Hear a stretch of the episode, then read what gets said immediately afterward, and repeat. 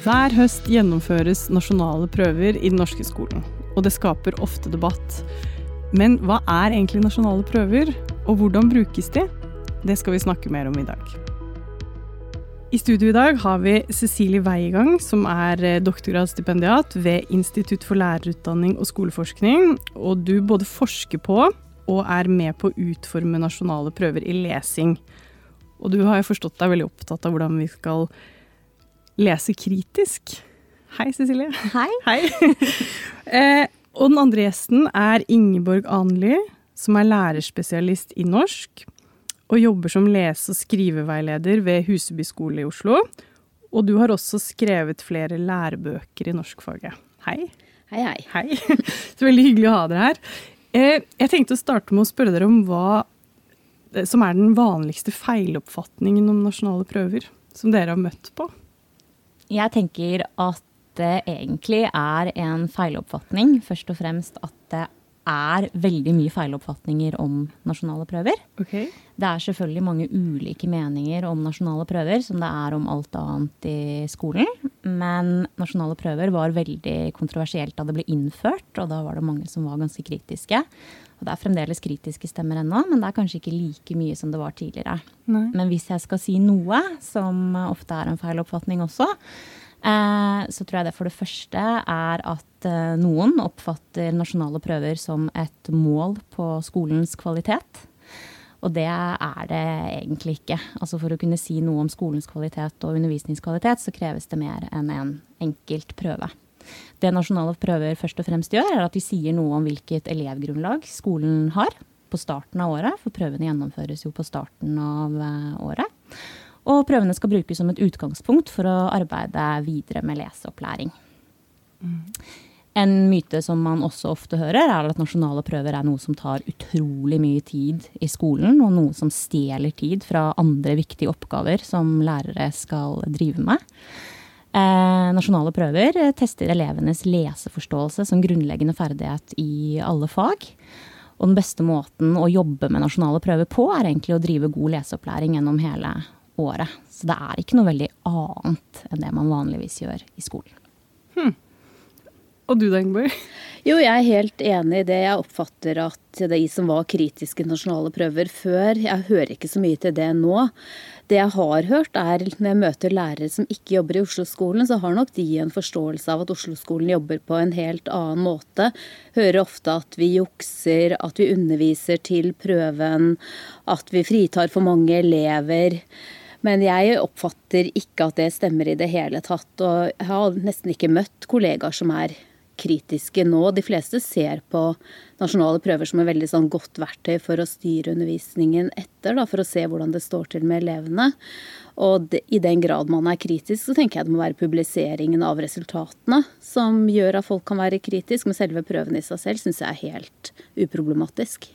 Og når du sier publisering av resultatene, da tenker du på det med at man sammenligner skoler basert på Ja, akkurat det. Ja. Mm. Eh, bare et lite spørsmål. Når var det man innførte de prøvene? Det var i to man innførte den første gang i 2004, ja. men da ble de lagt på andre trinn enn de er nå. På siste trinn eh, på ungdomsskolen, på tiende trinn. Også på slutten av året, så da ble det i større grad oppfattet som en sånn sluttvurdering. Mm. Men nå så gjennomføres det jo på femte trinn. Mm. Eh, som er liksom første trinn på mellomtrinnet, hvor man ofte bytter lærer også. Eh, så nye læreren da kan få mer informasjon om elevenes ferdigheter. Og så gjennomføres de på åttende trinn, hvor også veldig mange elever bytter skole. Altså fra barneskole til ungdomsskole. Så skolen skal få informasjon om elevene, sammen med selvfølgelig annen informasjon som de også har. Mm. Ok, så vi vet jo da at det har vært mye kritikk av disse prøvene, og, og, det vi skal prøve på i dag, er å snakke om hva det faktisk er. Hvordan de brukes, og ja, fordeler, ulemper, men hvordan det er. Eh, så da tenkte jeg, hvis man kort skal fortelle, ja, hva er det faktisk? Da er det prøver i Det er prøver i lesing, i regning og i faget engelsk. Ja. Mm. Og da, som du sa, på femte trinn, åttende trinn og niende trinn. Ja, leseprøven og regneprøven gjennomføres på niende trinn også. Ja. Mm. Og da, da, lurer jo jeg på, Ingeborg, hvordan er det du som lærer da, bruker resultatene fra disse prøvene? Jeg syns det er veldig interessant å være sammen med elevene, observere dem når de tar selve prøven. Det gir meg ganske mye informasjon om hvordan de takler de ulike tekstene, hva de syns er vanskelig, hva de syns går greit, om de har tid nok. Altså den type informasjon får jeg veldig mye ut av. I ettertid så pleier vi å se på altså klassen som helhet, hvilke teksttyper de syns er vanskelig, hvilke som har gått greit, og så legger vi opp undervisningen deretter. Syns det er veldig fint å ha med prøvene når vi snakker med foreldrene. Når vi ser hvordan eleven utvikler seg i lesing. Så jeg bruker de på mange forskjellige måter, og i tillegg syns jeg det er fint å bruke tekstene i etterkant til å jobbe med i undervisningen på helt andre måter, da, og med andre spørsmål enn det som er i selve prøven. Ja, hvordan bruker du tekstene da? Altså tar de opp igjen i da undervisningen? Da tar vi de opp igjen, og så jobber vi med de på forskjellige måter. Som utgangspunkt for skriving, f.eks. Ja, veldig mm. mange forskjellige måter. For det er veldig gode tekster i mange forskjellige fag. Mm. Mm. Og hvordan er disse tekstene i forhold til det dere vanligvis jobber med? Jeg kommer jo fra skoler som har hatt ganske gamle tekster å bruke. Og det har jo vært stort sett utdrag av skjønnlitterære tekster, og det gjenspeiler på ingen måte det, det tekstkulturen som elevene kommer ut i senere med autentiske tekster. Så da er det kjempe kjemperik bank å velge fra de tekstene som vi har der, som vi kan bruke. Bruker vi mye. Mm. Og Hvordan høres dette ut, Silje? Er det en forbilledlig måte å bruke det, på? Det er en forbilledlig måte, absolutt. Og mm. veldig fint og hyggelig å høre at Ingeborg bruker tekstene på den måten. Jeg kan si litt om de tekstene også, kanskje. Fordi mm, det prøven gjerne. består av, er jo ulike tekster. Og de tekstene er det vi sier er autentiske. Og det vil si at de er ikke produsert for, eller konstruert for prøvesituasjonen, men de har vært publisert i andre aviser, bøker, magasiner, nettsider, brosjyrer tidligere. Og det er tekster da som representerer ulike fag, som Ingeborg sier. Og også ulike lesesituasjoner som elever vil stå overfor, både innenfor, men også utenfor en skolefaglig kontekst. Eksempelvis så hadde vi på åttende trinn for et par år siden en, et utdrag fra en informasjonsbrosjyre fra Folkehelseinstituttet som handlet om hodelus. Okay. Og det besto både av da tekst og noen sånne figurer og tegninger. Og det er jo et eksempel på en tekst som ikke nødvendigvis er sånn veldig skolsk, men absolutt er offentlig informasjon som alle må kunne forholde seg til ute i samfunnet. Og oppgavene som vi da lager til de tekstene, til hver tekst i prøven, altså på åttende trinn så er det syv tekster i hver prøve, og på femte trinn så er det fem tekster i hver prøve. Og til alle disse tekstene så er det da utviklet oppgaver som måler ulike sider av elevenes leseforståelse. Noen ganger så skal de finne informasjon som er direkte uttrykt i f.eks. en tabell. Andre ganger så skal de tolke og reflektere over innholdet i en skjønnlitterær tekst. Mens andre tekster igjen krever f.eks. at de skal eh, forstå hvordan f.eks. For en forsker begrunner påstandene sine i en populærvitenskapelig artikkel. Igjen så er det da leseutfordringer som er representative for liksom, situasjoner som elevene vil stå i selv. Og vi tenker også at disse spørsmålene skal være forbilledlige for hvordan man kan jobbe med lesing i klasserommet. Mm. Hvordan pleier dette å gå, da? Pleier de å klare det, eller er det Det er jo veldig varierende. Ja. Prøvene er jo konstruert på en sånn måte at de skal måle elever på alle ferdighetsnivåer.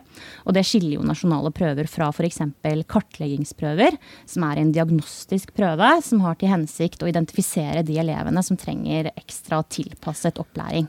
Ok, Så kartleggingsprøver er det du kaller diagnostiske? Ja. Mm, det er for å finne ut hvem som trenger hjelp. Hvem som trenger hjelp. Mens nasjonale prøver, de er da ikke diagnostiske? Nei, de måler elever på alle ferdighetsnivåer. Så i en okay. kartleggingsprøve så vil de fleste elever få veldig mye riktig.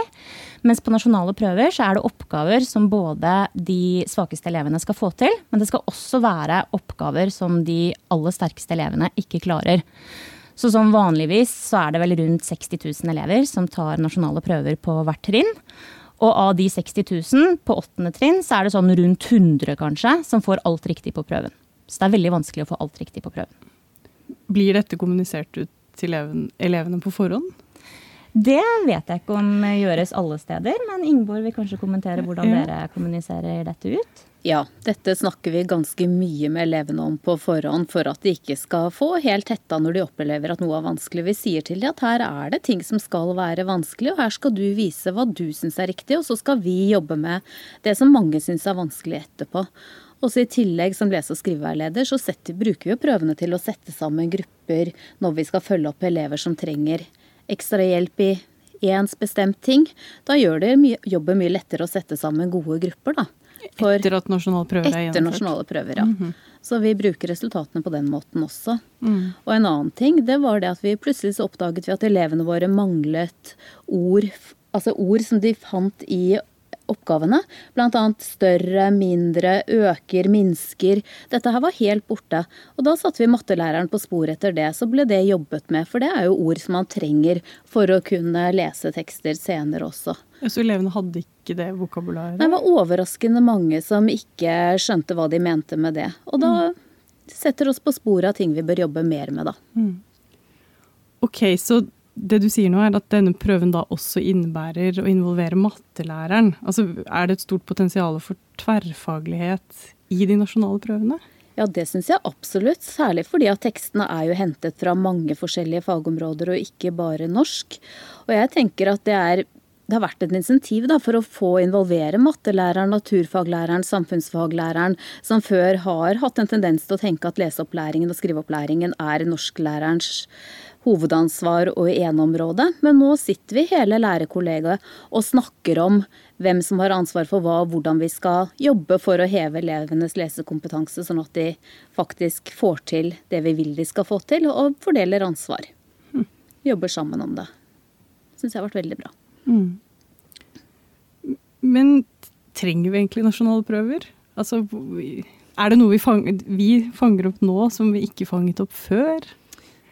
Det er jo et eh, stort spørsmål, selvfølgelig. Men jeg syns Ingeborg er veldig inne på det nå som hun snakker om tverrfaglighet. Eh, fordi etter at Kunnskapsløftet ble innført i 2006, så ble jo lesing definert som en grunnleggende ferdighet i alle fag.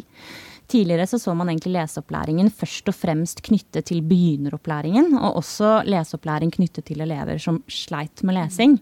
Men etter Kunnskapsløftet så begynte man å snakke mer om den andre leseopplæringen, eller den videre leseopplæringen, for vi slutter jo på en måte aldri å lære å lese. vi eh, utvikler jo strategier og tilegner oss nye måter å lese på når tekstmangfoldet endrer seg, og vi er nødt til å håndtere nye typer tekster. Sånn som nå f.eks. når vi må lese mer på skjermer og ofte lese flere tekster opp mot hverandre. da. Så dette er jo viktig at det er en ferdighet som alle lærere arbeider med. Og det håper og tror vi som fagmiljø at nasjonale prøver kan være med på å sette lesing som grunnleggende ferdighet på dagsordenen og gi en mulighet for hele lærerkollegiet til å ha et altså felles utgangspunkt til å egentlig snakke om lesing og hvordan de kan legge opp leseopplæringen. Prøven inneholder jo både altså leseutfordringer som er fagspesifikke, f.eks. at man skal vurdere kritisk naturfaglige argumenter i tekster, er noen oppgaver i prøven som vi har. Men prøven skal også måle kritisk lesing på et mer sånn overordnet faglig nivå. At man skal forstå hva slags kilder ulike påstander bygger på, f.eks. Det er jo noe som er viktig i alle fag.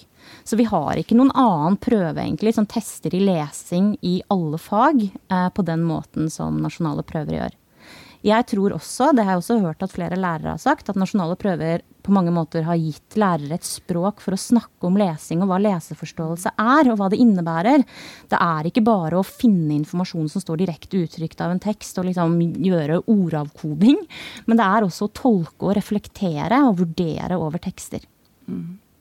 Jeg syns jo at Eh, nasjonale prøver har vist oss litt hva Altså hvordan lesetekstene vi skal velge, bør være. Jeg har fått meg et par aha-opplevelser når jeg har hatt elever på lesekurs og sett hvilke strategier de bruker. For de har jo hatt lesetekster der hvor de stort sett ikke har behøvd å lese hele teksten for å svare på oppgavene. Altså alle svarene er helt utenfor teksten i seg selv. På hvilken måte da? Ja, ikke sant. Hvis man f.eks. leser en tekst om en heks, og så er et av spørsmålene hva er en heks? Du trenger jo ikke å ha lest teksten for å svare på den type spørsmål, så de kan ta svarene helt av seg selv og ikke hente dem i teksten. Og da blir det jo heller ikke lesetrening. Og veldig mange av de elevene som kommer på lesekurs, de leser jo ikke gjerne. De syns det er slitsomt. Og det er klart de får jo altfor dårlig trening også. Når da vi tror de skal trene på lesing, så sitter de egentlig og gjør noe helt annet. Så det har vært en vekker, egentlig, at de blir gitt sånne spørsmål som tvinger det inn i teksten. Mm. Og det er en sånn kunst å stille den type spørsmål, da. Og, og, Kan dere gi et eksempel på hva slags type spørsmål? For da er det ikke 'hva er en heks', men ja. Hva er hovedmeningen med denne teksten, f.eks.? Hva er det de først og fremst vil uttrykke med denne teksten? Det er jo kjempevanskelig hvis man ikke har lest den. Mm. Men det du forteller nå, Engborg, eh, det har jo vært noen stemmer som har vært kritiske til at enkelte skoler setter av en del ressurser og tid, eh, og kanskje dette også bare er rykter, det vet ikke jeg, men mm, som, for å øve til prøvene. Men hvordan, hvordan kan man øve til disse prøvene? Ut fra det du sier, så virker det jo ja, det har vi også lurt på, hvordan man øver til en nasjonal prøve. For det vi gjør, vi jobber systematisk med lesing, men selve prøven ser vi jo ikke før prøvedagen. Så det vil jeg si det er ikke mulig å øve spesifikt til en prøve. Men å jobbe med lesing som grunnleggende ferdighet, hvis det ikke er det vi skal drive med i skolen, så vet jeg nesten ikke hva. Nei. Nei. Og, og der da, hvis jeg har forstått det riktig, så lages det da en ny prøve hvert eneste år? Det gjør det. Mm, det stemmer. Og, og, hvordan jobber dere med den? Når møtes dere liksom etter at det er gjennomført? Har dere en uke pause, og så går dere på den igjen? Eller? Nei. Det å lage en prøve sånn som nasjonale prøver er, det er veldig tidkrevende. Det tar lang tid fra vi begynner å planlegge hva vi skal ha i en prøve, og til prøven er ferdig, så tar det mellom ett og et halvt og to år, faktisk. Oi, ja. Fordi prøvene skal piloteres i flere omganger for å sikre at de har en vanskegrad som er riktig. Jeg sa jo tidligere at uh, vi um, at, vi, at, prøvene skal måle elever på alle ferdighetsnivåer. Så da må vi teste ut at prøvene altså, funker etter testteoretiske prinsipper, og også at vi har utviklet en prøve som er i tråd med det rammeverket som vi har utviklet, eller som er utviklet i prøvene. Eh, så det er en lang prosess, og det involverer jo både da at vi finner ulike tekster. Vi er ca. ni personer som jobber med å lage nasjonale prøver, og vi jobber veldig, veldig tett sammen. Vi har alle ulike interessefelt, så vi finner mange ulike typer tekster. De fleste av oss har jobbet i skolen i flere år tidligere, så vi har stått i klasserommet og vet litt om hva slags tekster elever eh, både liker å lese, men også hva slags tekster som er egnet og er gode for målgruppa. Eh, vi har også en referansegruppe av lærere som vi involverer i prøveutviklingsarbeidet. Som eh, kommenterer på tekstene vi har funnet, som kommenterer på veiledningene vi har laget, og som kommenterer på oppgavene. Og så testes jo da prøven ut i to omganger på veldig mange elever. Og så får vi det tilbake, og så gjør vi statistiske analyser. Og så flikker vi og ordner på oppgaven i prøven, og så sender vi det ut til enda en pilotering, og så gjennomføres de. Så det er en lang prosess å lage prøvene. Mm. Men når dere har med disse, er det sånn at dere sier sånn neste gang skal vi ha med forslag til tekst, og så diskuterer dere? Eller er det hele tiden Det er hele tiden. Altså ja. jeg kan nesten ikke lese noen ting nå uten å ha i bakhodet kan dette brukes i prøvene? Det er helt sant. Ja. Kan jeg klare å lage en flervalgsoppgave til denne? Er det noe i teksten her som ikke er helt tydelig? Så det er på en måte et arbeid som egentlig foregår kontinuerlig hos alle oss som lager prøvene. Mm. Men vi har jo selvfølgelig møter eh, flere ganger i uka hvor vi kommer med tekstideer også passe på at vi har tekster i prøven som over tid hvert fall, skal representere alle fag som er i skolen. da. Altså Prøvene inneholder jo nesten alltid tekster fra de teksttunge fagene som norsk og naturfag og samfunnsfag. Men uh, innimellom skal vi jo også ha tekster fra de praktiske estetiske fagene, som mat og helse og musikk f.eks., og også kroppsøvning. Um, så det gjør jo at vi også planlegger hva slags tekster vi trenger nå, da, selvfølgelig. Men, men, hvordan rekrutteres dere som jobber der? Er det liksom, blir det spurt, eller kan man søke? Eller er det fire, perioder, fire år av gangen, eller hvordan Det lyses jo ut uh, stillinger uh, noen ganger, mm. men uh, vi prøver å rekruttere fra skolen ofte, da. At det er folk med lærebakgrunn som, som jobber hos oss. Mm. Mm. Og når du da er på fest og møter nye folk, eh, pleier du å fortelle hva du jobber med? Eh, ja, jeg gjør jo det. Ja. Men eh, det blir ofte noen ganger en litt sånn innledende setning som at jeg jobber med noe litt spesielt. Jeg lager nemlig prøver. Jeg er prøveutvikler. Eh, og så forteller jeg at jeg jobber med nasjonale prøver, og da møter jeg ganske ofte en sånn å ja, er det de prøvene som alle snakker så mye om, eller som mange er kritiske til, eller Og det er da ofte folk som ikke er skolefolk, da, som har den oppfatningen. At nasjonale prøver er noe som er veldig omdiskutert. Mm. Mm. Møter du også på det, du, hvis du nevner at du snakker om eller nevner at du jobber med nasjonale prøver? jeg gjør jo ikke det så direkte, jeg er mer Nei. bruker av nasjonale ja. prøver. Men eh, det hender jo at folk er interessert i å diskutere det. Men det er stort sett de som ikke helt vet hva det faktisk dreier seg om, da. Mm. Og som har fanget opp disse mytene, som tror at dette er kontroversielt. Mm. Det syns jo ikke jeg. Mm. Hvordan eh, Cecilie, jobber dere med å informere skoler, lærere, ja, kanskje foreldre òg, om hva nasjonale prøver er? da? Det jobber vi mye med, og det er vi veldig opptatt av å gjøre. Eh, og først og fremst da så utvikles det et eh, ganske stort veiledningsmateriale til prøven hvert år. Den inneholder informasjon om både hva prøvene måler, og informasjon om de ulike tekstene og oppgavene som er med. Og der lager vi også ofte et sånt case som på en måte viser helt konkret hvordan lærerne kan ta en av tekstene i prøven og ta tilbake, med, tilbake i klasserommet. Eh, og arbeide videre med den der. Eh, vi holder også kurs for lærere. Eh, vi har holdt mye kurs i Oslo. Vi har også holdt kurs over hele landet faktisk de siste årene. Hvor vi forteller lærere om hva prøvene er, og hva de måler, og hvordan de kan brukes. Hvor vi også gir tips til lærere eh, hvordan de kan drive god leseopplæring i klasserommet. Vi er opptatt av å vise hvor praktisk faktisk da disse prøvene kan brukes. Mm. Og nå helt nylig så har vi også laget en ny kompetanseutviklingspakke i samarbeid med Lesesenteret i Stavanger, som er publisert på noen nettsider som heter Språkløyper. Hvor vi da egentlig har samlet eh, alt vi har av veiledningsmaterial og kurs fra de siste årene.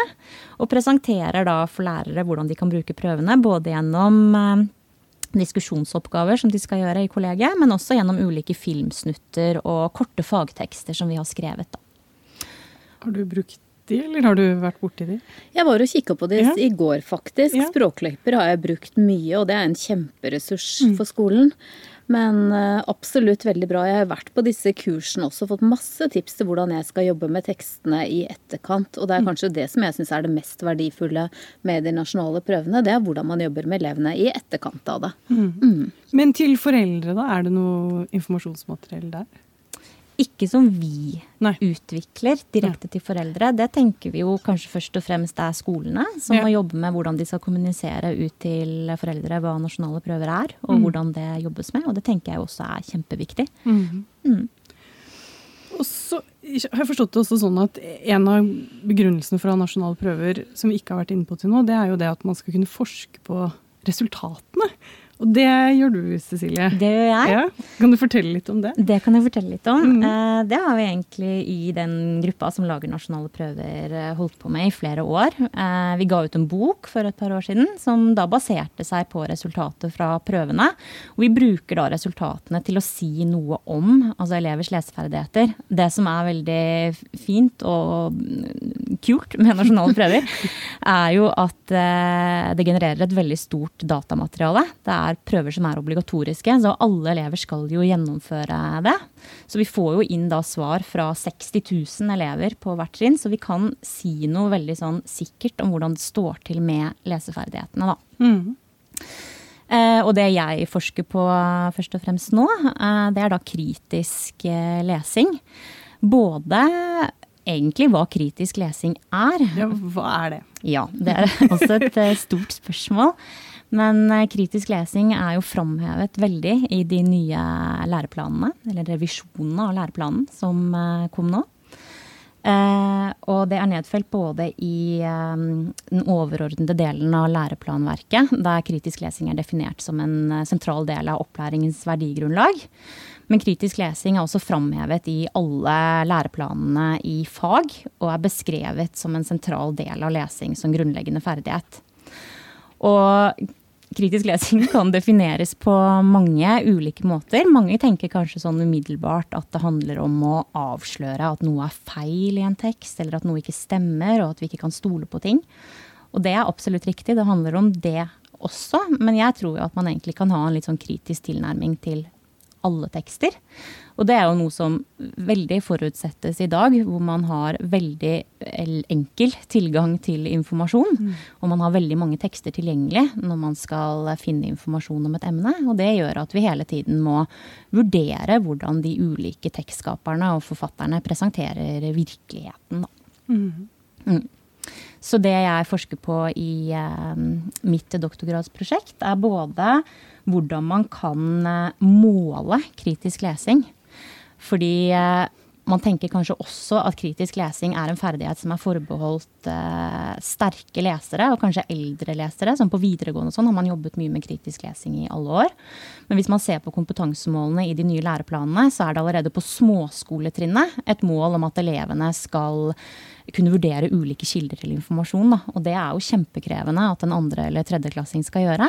Og da trenger man å på en måte bryte ned dette begrepet kritisk lesing og finne ut hvilke spørsmål kan jeg lære mine elever å stille til en tekst som vil hjelpe dem til å uh, undersøke om de kan stole på denne uh, informasjonen, f.eks.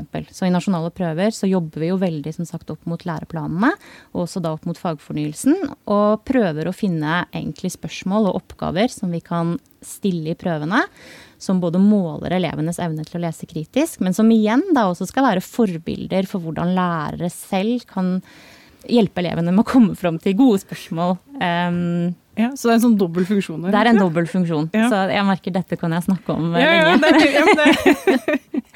Og du eh, bruker jo dem, altså du, Det virker som du Ingeborg, har virkelig nytte av den doble funksjonen. da. Absolutt. Mm. Å lese kritisk er jo noe som ikke nødvendigvis elever har så mye erfaring med. Så det er noe vi snakker med elevene om mye. Mm. Mm. Og det er ikke minst viktig nå at de greier å forholde seg kritisk til tekst. For de mm. møter det jo overalt. Mm. Og mye rart. Og har du da noen tips til andre lærere i forhold til egen erfaring, hva du har med å bruke nasjonale prøver? Altså, hva vil du tipse andre om? Altså det jeg tenker på først og fremst, det er å trene elevene i utholdenhet. At de er i stand til å stå i en og samme tekst lenge, og også at de er i stand til å jobbe konsentrert over tid. For det merker jeg at elever blir veldig fort sliten, og mye fortere sliten nå enn det de gjorde bare for noen år siden.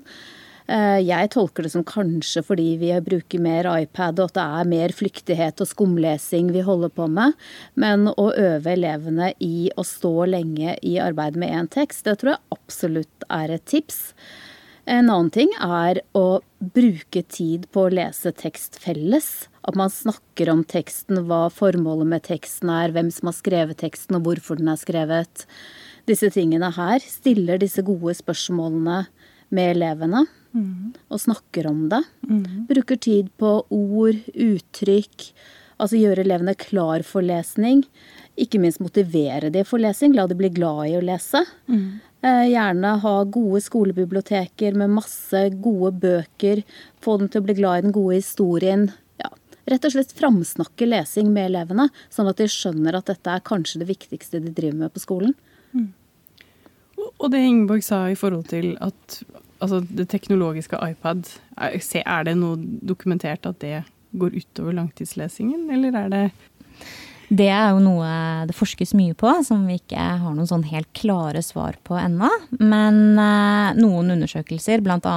PISA-undersøkelsen, som er en eh, internasjonal eh, undersøkelse, den viser jo bl.a. at uh, flere elever enn tidligere oppgir at de leser lite for fornøyelsens skyld. De leser ikke så mye fordi de har lyst til det. Og de rapporterer også at de leser lite lengre tekster. Og da kan man jo trekke slutningen at uh, de ikke gjør så mye av denne dybdelesingen og konsentrerte lesningen. Og om det handler om at de leser på andre devices enn papir, da. på en måte. Det kan man jo tenke at kan være en årsak til det. Mm.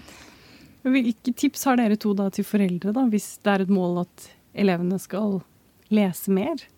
Ja, jeg ville jo, hvis det var min unge, begrensa skjermtiden ganske kraftig. Kanskje ta tilbake den kjedelige søndagen der hvor elevene selv finner fram til boka fordi det er noe de kan gjøre som og de ikke har skjermen tilgjengelig. Det ville jeg absolutt ha gjort, og sørge for at de har tilgang til interessante og gode, lystbetonte tekster de kan lese. Så tenker jeg også selv at det er viktig å være gode forbilder. da. Både ja. gode digitale forbilder, selvfølgelig, men også gode boklige forbilder. Altså, det viser at det gir mer motivasjon og interesse for lesing dersom barna ser at foreldrene også leser av og til, og setter seg med en bok, og ikke bare ned i godstolen med smarttelefonen. Også det å sørge for at det er litt oppdaterte bøker, da. Det er jo mange foreldre som gjerne vil at barna skal lese Hakkebakkeskogen, men det fins jo så mye mer som kanskje fenger er litt mer konkurransedyktig, da. Ja. Så litt å tenke på for foreldre ja. der. Mm. Eh, tusen takk for at dere har kommet og fortalt og snakket om nasjonale prøver. Takk for at du hørte på denne episoden. Jeg heter Elise Koppang Frøyd og har vært programleder og gjort research sammen med Magnus Heie. Og Frida Tuen har vært produsent. Du kan følge oss på Facebook-siden til Det utdanningsvitenskapelige fakultet for oppdatert informasjon. Vi høres!